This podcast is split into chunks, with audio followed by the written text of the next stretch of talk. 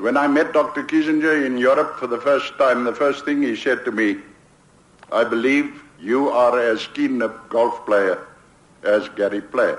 I then said to him, yes, but not as keen as the chap in our country, the golfer in our country that was hanged the other day. And he expressed as his last wish to have a practice swing first.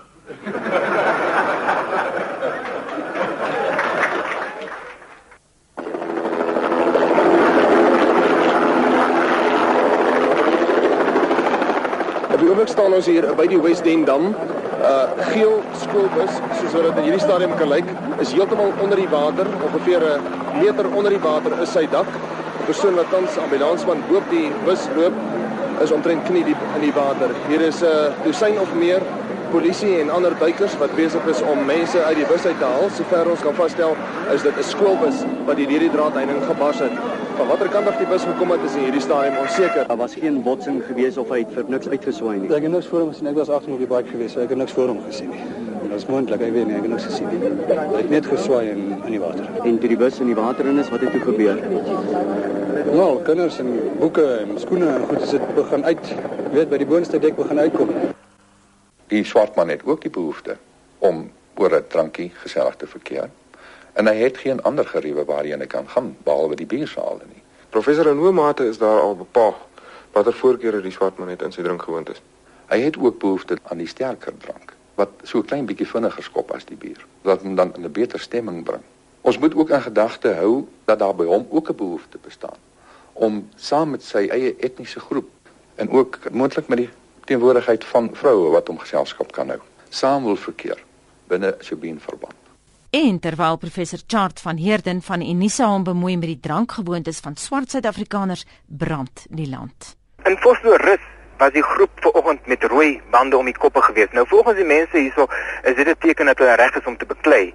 In KwaTema waar daar lanklaas regte gevegte was tussen die Xhosas en die Zulus, het die Zulus wat nog steeds by die hostelle is wit bande om die koppe.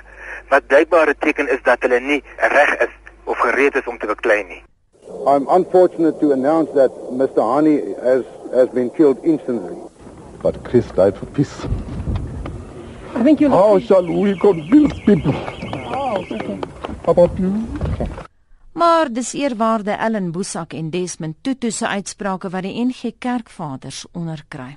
Die kerk van Jesus Christus mag nie 'n werktuig gemaak word om die regering van die land op 'n revolusionêre wyse na 'n ander regering oor te dra nie. In die lig hiervan doen die algemene sinodale kommissie van die Nederduitse Gereformeerde Kerk 'n dringende beroep op aartsbiskop Tutu en Dr Boesak om van hierdie heillose weg af te sien en hulle probleme met die betrokke minister en selfs ook met die staatspresident te bespreek. Ek ken nie een behoorlike Christen Afrikaner wat apartheid ondersteun het nie. Ek weet nie wat verkeerd gegaan het vir soveel jare nie.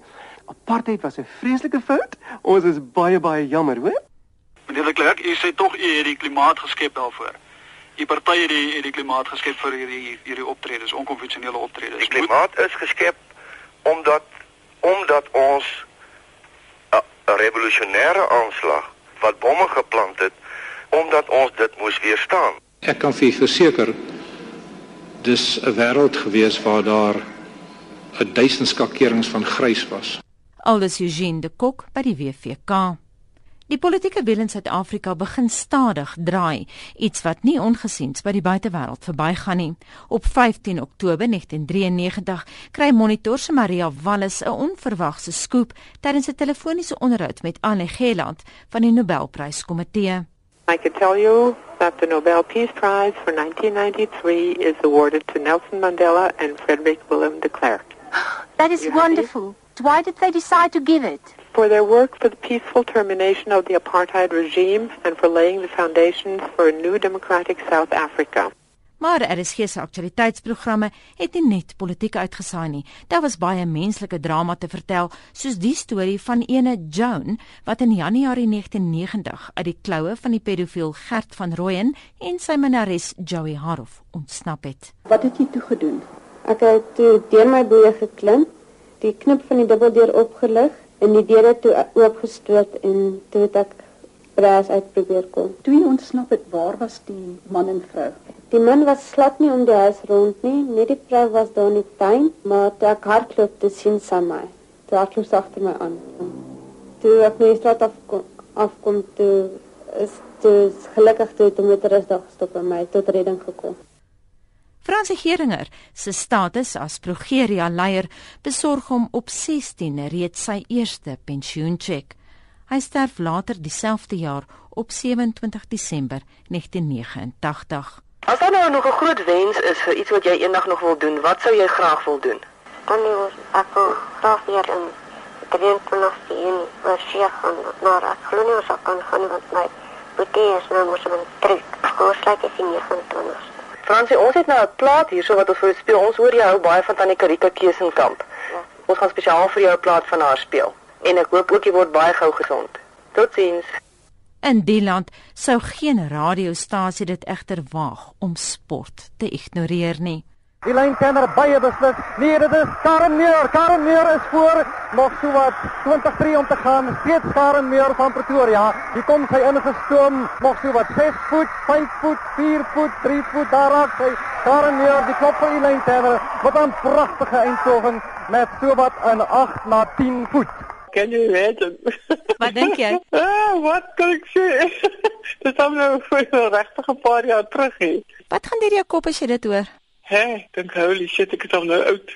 In post-apartheid Suid-Afrika is daar ook oor ander sake as die NP te rapporteer en RSG se aktualiteitsprogramme berig toenemend op voedselvlak vanuit ander wêrelddele.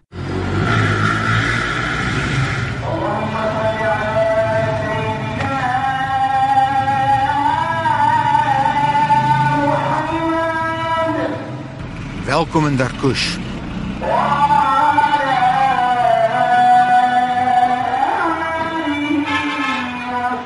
Dit was kort voor skemer toe ek saam met 'n vryskut joernalis Abdul Ali en my tolk Mustafa Sahid die kronkelpaadjies deur die valleiryke heuwel suidwes van Darkush na Al Asteida aanpak. Mustafa, tell me where are we going now? Uh, we are going to uh, Al Asteida.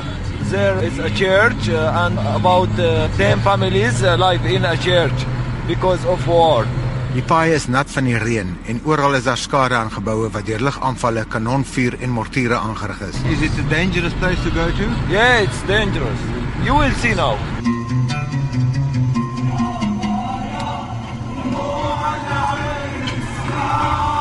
Die pad terug is lank en almal is stil.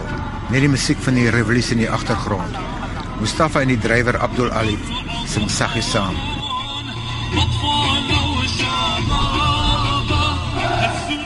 Hande op mekaar se skouers soos oorlogskamerade, wiegend op die ritme van musiek. Verby die gebombardeerde skool, die bomkrater in die pad en die uitgebrande tanks, terug na Darkush waar die hospitaal is. En die Suid-Afrikaanse mediese span wat hierheen gekom het om 'n verskil te maak aan mense soos Abdul Ali se lewens. Ek is Futa Kriege in Darkush, Sirië.